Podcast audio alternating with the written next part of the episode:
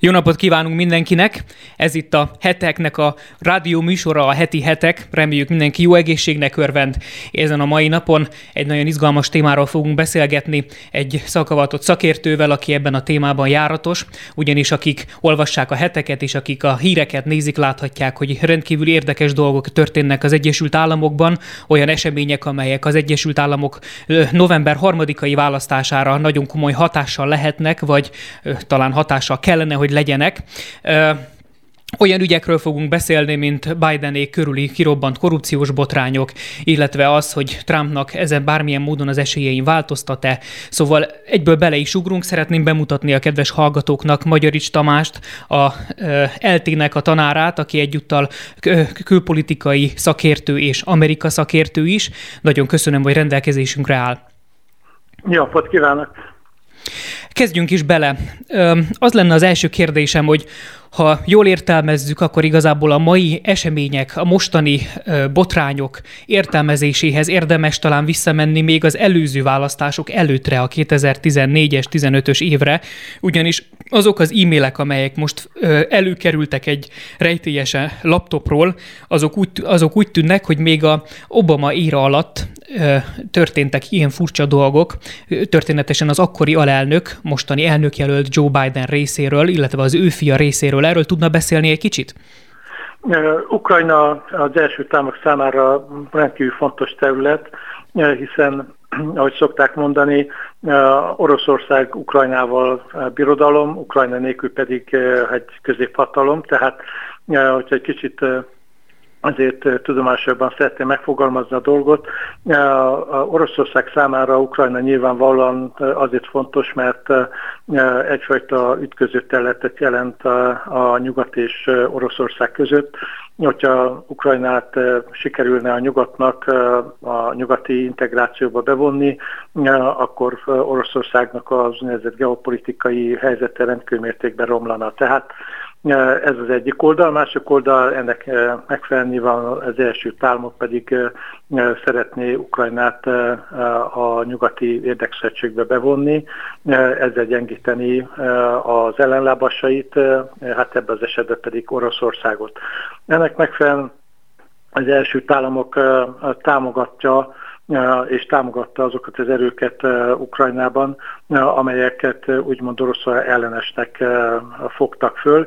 Itt többek között annak idején Viktor Janukovicsal szemben álló erőket is, ugye ez az a Majdan mozgalom, Igen. és és nem csak a politikai mozgalmakat, hanem hát egyértelmű, hogy a gazdasági szempontból is megpróbálták a különböző ukrajnai nagy gazdasági tömrüléseket, szereplőket a maguk oldalára vonni, és hát ennek megfelelően politizálta az Obama adminisztráció, aminek az egyik leágazása az volt, hogy ugye annak idején ugye Victoria Nuland mint a térséget feles államtitkár, hát eléggé sok politikai és nem csak politikai tőkét investált, és nem csak olyan a State Department a politikai mozgalmak a támogatására, illetve hát az amerikaiak azért köztudottan gazdasági pozíciókat is szereztek Ukrajnában,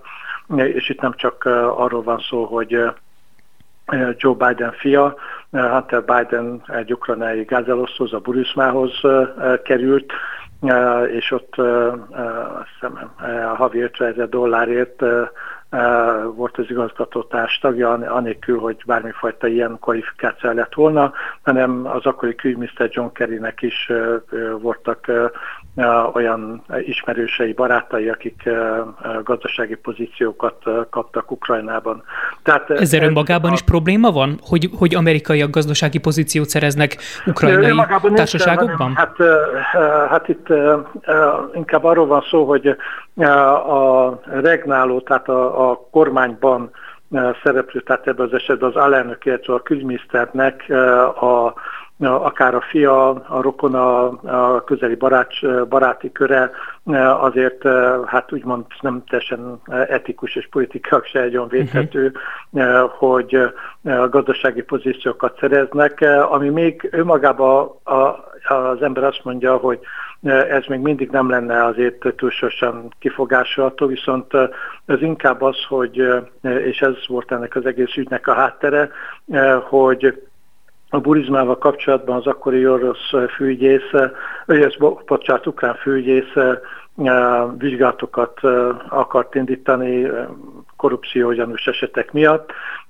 és Joe Biden nyomást gyakorolt, mint alelnök az ukrajnai kormányra, hogy távolítsák el a főügyészt, illetve Hát ezt ő maga mondta el a, a New Yorki Külügyi Bizottság külügyi tanácsnak egy rendezvényén. Bár ott én úgy emlékszem, kicsit inkább úgy fogalmazott, hogy általában az ukrajnai korrupciónak a felszámolása nem sikerült, és ezért kezdeményezték az Európai Unióval közösen az ukrajnai főügyésznek az eltávolítását. Honnan tudhatjuk biztosra, hogy kifejezetten a, az anyagi ügyletek, financiális problémák és a fiának a védelme miatt sikerült sikerült ezt a nyomásgyakorlást végrehajtani? Hát ugye kicsit ugye gyanús pont az a főgyész, aki azt a, a vállalatot is többek között korrupció, a gyanús üzletek miatt próbál vizsgálni, ahol az alelnök fia tevékenykedik.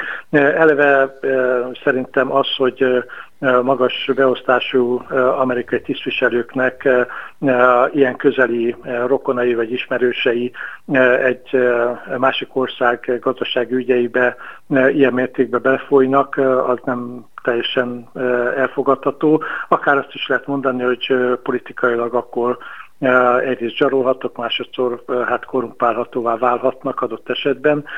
Ebben az esetben itt, hogy csak befejezzem az első mondatomat, itt a John Kerry, vagy bocsánat, Joe Biden arról beszélt, hogy hát az Európai Unióval együtt, úgymond, egy milliárd dollárt tartottak vissza, és megmondták Igen.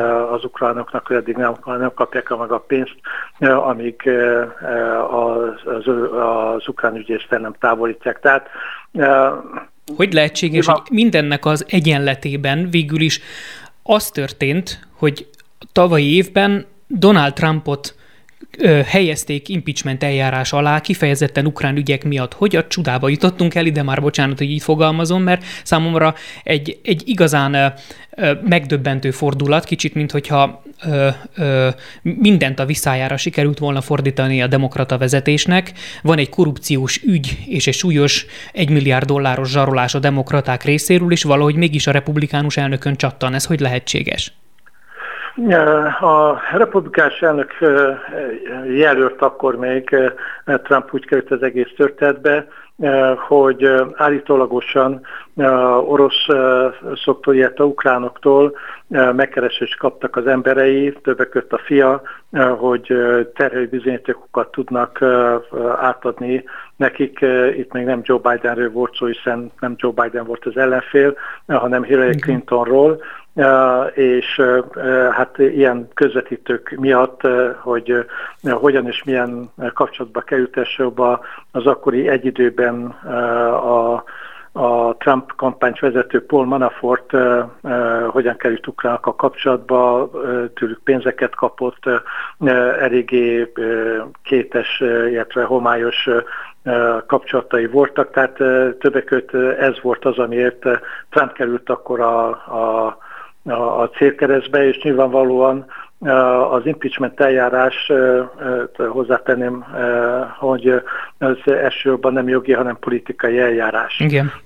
És a demokraták vannak többségben a 2018 után a, a képviselőházban, és a képviselőjogi bizottság az, amelyik elkezdheti ezt a az egész eljárást, illetve a képviselés folytathatja, és a szenátus mondhatja ki a végső szót, ami hát nyilvánvalóan nem történt meg, mert politikai ügyről van szó, és a, a szenátusban republikás többség van.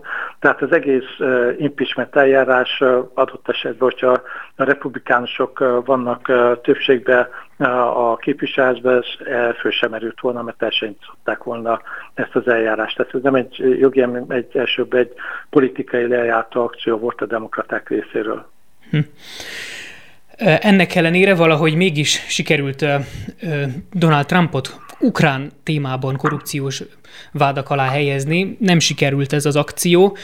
Ön hogy látja egyébként a, az egész hisztéria, ha én úgy látom, valahol ott kezdődött, hogy állítólag Trump már a választások során is manipulált orosz befolyással. Ugye ez is egy általános hisztéria az amerikai társadalomban és az amerikai főáramú médiában, én legalábbis így látom. Ön hogy látja az amerikai beavatkozást a, a választási folyamatokba? Pontosabban az orosz beavatkozást orosz beavatkozást. Hát, nyilvánvalóan mindig történik beavatkozás, ez nem egy új dolog. Nem akarok Ádámig éváig visszamenni, de 1944-ben Frank Roosevelt megkérte Stálint, hogy ne támogassa az amerikai kommunista pártot abba, hogy őt támogassák, hanem Rooseveltet, mert ez nekik politikai kényelmetlen lenne. Tehát magyarul ez azt akarom mondani, hogy az orosz befolyás, az amerikai belpolitikára, választási politikára ez nem egy új dolog. A hidegháborúban ugyanígy folytatódott. Az, hogy kivel mikor írtak alá szerződéseket, milyen tárgyásokat folytattak, az sokszor ahhoz idézítették, hogy most inkább kit látnának a elnöki székbe, a politikai pályáját szeretnék kicsit erősegíteni.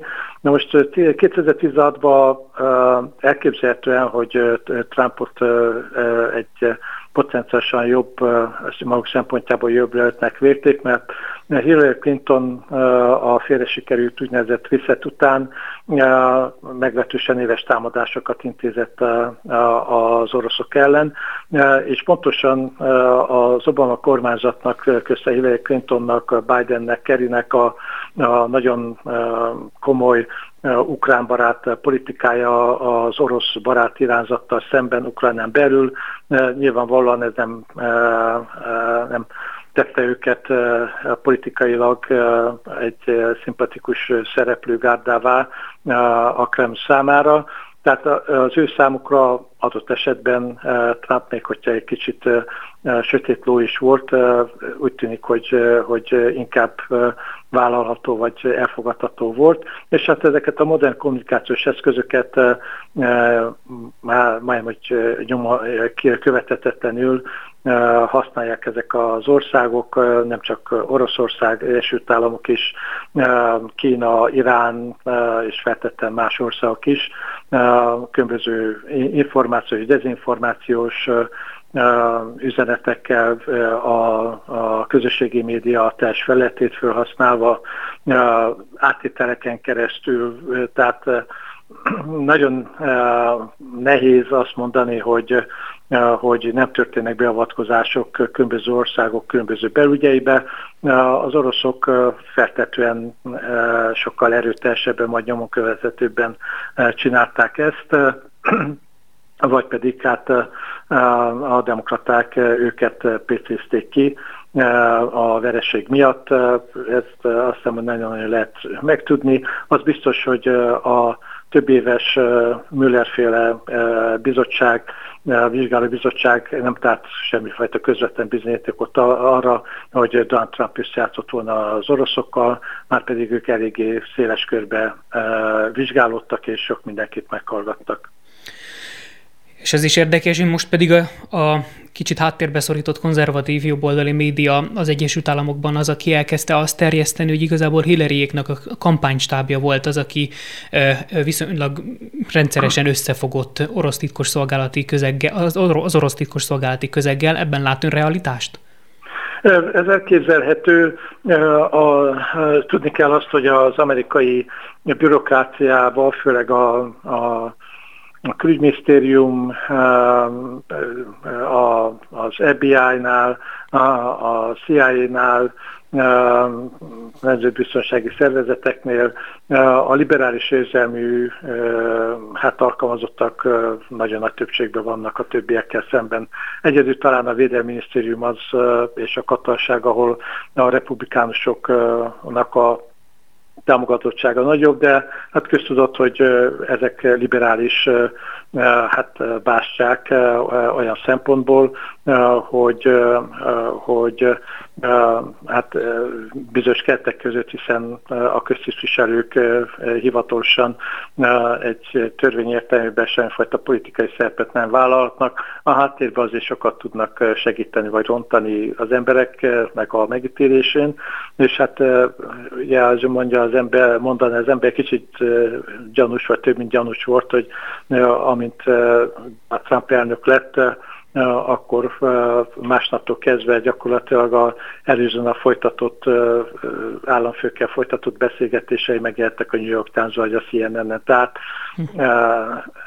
fel, biztosan hát leallgatások folynak, szivárogtatások folynak, különböző csatornákon, és ahogy mondtam, itt a, a, a bürokrat, bürokratáknak a döntő többség az liberális beatottságú. Tehát, és így van ez az amerikai titkos... Az, hogy, hogy ők a demokraták eleve illegitimnek tekintették kezdettől fogva a Trump uh-huh. elnökségét, és hát minden fronton megpróbálták ellehetetleníteni az impeachmenttől kezdve a, a sajtótámadásokon keresztül, és hát nyilvánvalóan ilyen eszközökkel is azért ez elég komoly demokratikus aggályokat vet föl, legalábbis én előttem, hogy egy bürokrácia, egyesek odáig mennek, hogy ezt már mély államnak nevezik, mindent megtesz egy demokratikusan megválasztott elnöknek a ellehetetlenítéséért.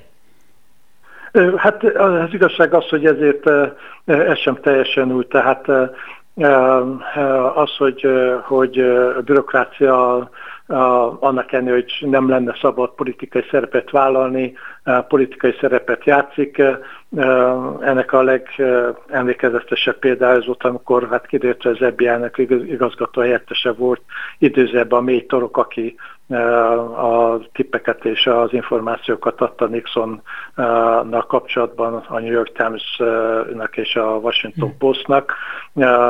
Nem az lett volna a feladata, de hát nyilvánvalóan politikai szimpátiái arra ösztönözték, hogy, hogy ezt tegye. Igen, nem ez lenne. Az igazság az, hogy van úgynevezett tankönyvi modell, hogy hogyan kellene működni egy államnak, adott esetben az első államoknak, és van egy realitás, hogy valójában hogyan működik, és az pedig, hát ahogy szokták mondani, hasonlít Bismarck Vizsliéhez, azért nem nagyon szabad megnézni, hogy hogyan működik valójában, mert akkor az embernek elmenne a kedve a vízlevést, illetve át a, a politika csinálástól.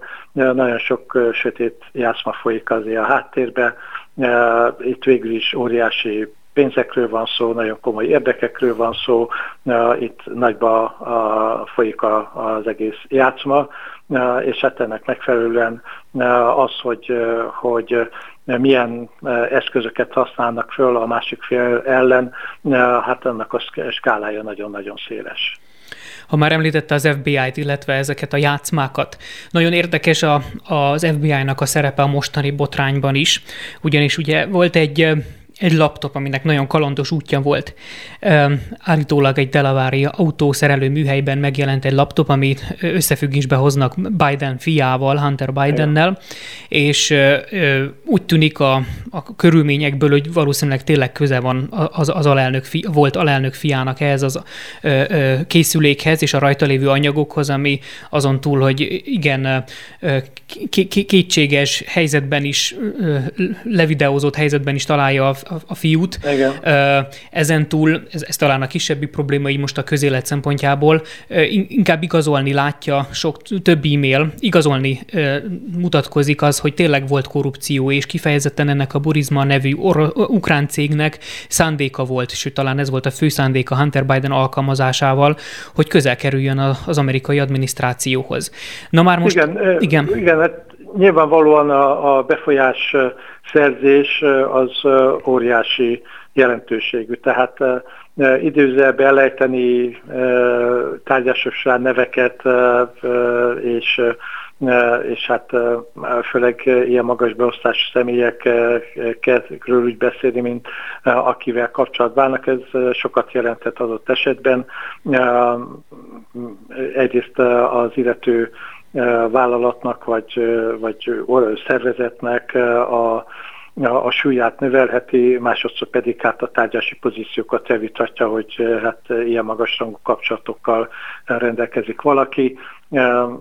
Hát ez persze egy másik kérdés, hogy ezek valós vagy tényleg valósak, vagy nem. Hát ebben az esetben tényleg úgy tűnik, hogy, hogy, hogy legalábbis Joe Bidennek a mint alelnöknek a neve forgott bizonyos körökbe.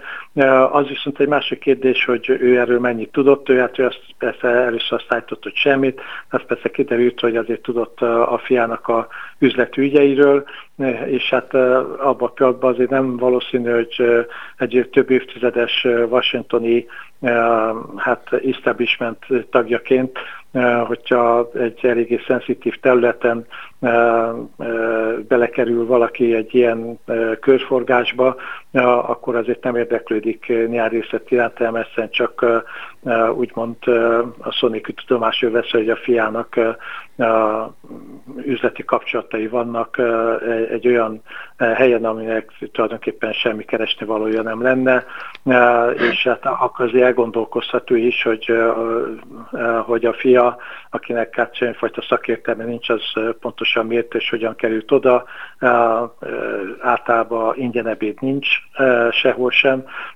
és mit várnak a, fiától ennek megfelelően.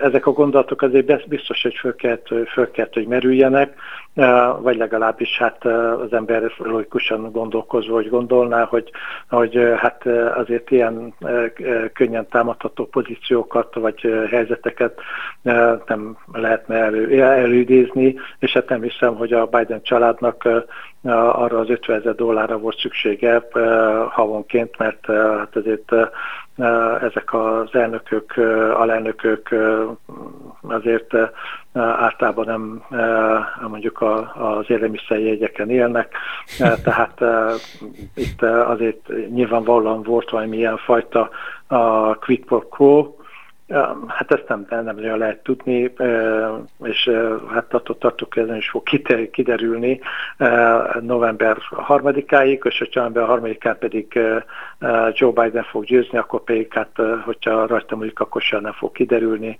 mert hát akkor nyilvánvalóan nyomokat mind el fogják tüntetni. És úgy tűnik, van még egy olyan hatóság, aki mindent megtesz azért, hogy a nyomokat eltüntesse. Ezért is említettem a, az FBI-nak az ügyét. Ugyanis ezt az anyagot, a, a, a, a laptopon található anyagot az FBI megkapta. Rendelkezésükre bocsátották. Lefoglalták hogy létezik, és, menny- és, és eltűrhető ez az amerikai társadalom szempontjából, hogy ezt az anyagot nem ők hozták nyilvánosságra, hanem Rudy Giuliani és a New York Post hozta nyilvánosságra, ugyanis a autószerelő műhelynek a tulajdonosa úgy tűnik, hogy lemásolta ezt az anyagot, mielőtt az FBI-nak rendelkezésére bocsátotta. Igen, hát most az FBI nyilvánvalóan, és általában azért főleg ilyen nagyon érzékeny dolgoknál nem nagyon szoktak rögtön nyilvánossághoz fordulni ezek a szervezetek. Egyrészt hogyha az ember csak a tankönyvesetet nézi, akkor hát alaposan nyomozni kell nekik, és minden szállat meg kell vizsgálni, hogy ez pontosan hogy jutott oda, mennyire tekintető hitelesnek, mennyire nem, és a, a körülményeket meg kell vizsgálni.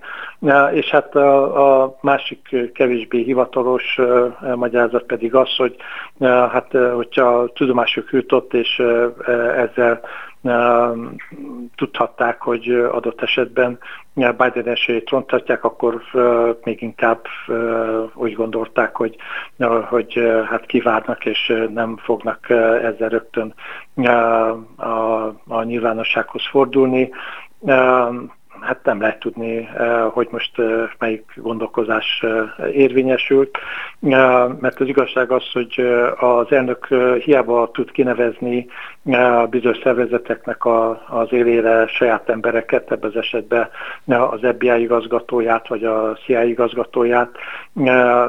Nyilvánvalóan az ilyen ügyek azok nem nála kezdődnek, és az alacsonyabb szintű hát bürokraták azok sok mindent tudnak tenni. Uh-huh. Ugyanúgy mondjuk a külügyminisztériumban és hiába egy külügyminiszternek egy bizonyos relációba országa vagy országcsoporttal kapcsolatban valamilyen fajta politikája, a beosztott diplomaták, vagy pedig a külügyminiszteri emberek, akik a mindennapi ügyeket intézik, ez nagyon nagy mértékben tudják ezt segíteni, vagy hátráltatni a saját szájázik szerint, hiszen ezek az emberek ilyen magas pozícióban nem napi szinten foglalkoznak, mondjuk főleg kisebb országokkal, vagy ilyen ügyekkel, hogy, hogy laptopot találnak, vagy nem találnak egy autójavító műhelyben.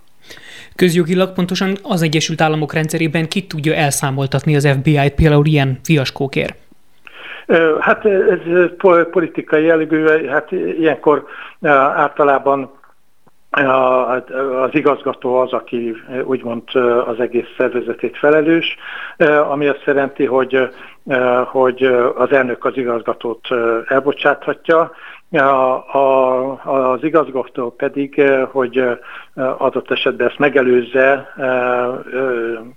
a, azokat, akiket felelősnek tart a szervezeten belül hibák elkövetését, azoktól meg tud szabadulni. Tehát Értem Tehát belső tisztogatás szükséges ehhez, csúnyán mondva. Tessék? Tehát belső tisztogatás szükséges ehhez, csúnyán mondva. Igen, ez, ez, ez belső dolog. Az elnök a, a legfelső vezetőt tudja adott esetben elmozdítani, vagy pedig akik még felelőssége vonhatják, de hát nem az ő joguk elmozdítani, meghallgatásra beidézhetik a kongresszus megfelelő bizottságai elé, uh-huh. és hát az ottani szereplésük azért nagyon nagy mértékben hozzájárulhat ahhoz, hogy vagy megerősödnek a pozíciók, vagy pedig tartatatlanná válik a, a, a helyzetük, és vagy lemondanak, vagy pedig át az elnöknek meg kell politikai okokból szabadulni a, a terhet politikustól, vagy kijelölt személytől. Értem. Nem sokára lejár az időnk, de szeretnék még egy dologban kikérni az ön véleményét. Mit szól ahhoz, az, ahhoz a jelenséghez az Egyesült Államokban, hogy mindez az egész ügylet, ha viszonylag rövid időre is, de az amerikai közösségi médiában teljes mértékben vissza lett fogva. És egy, nekem úgy tűnik, hogy, hogy egy igen átfogó cenzúrázási folyamat indult el a Twitter, a Facebook, a Google és egyéb big tech cégek részéről. Mit szól ehhez? Ez nem, nem nyílt és jogellenes cenzúrázás?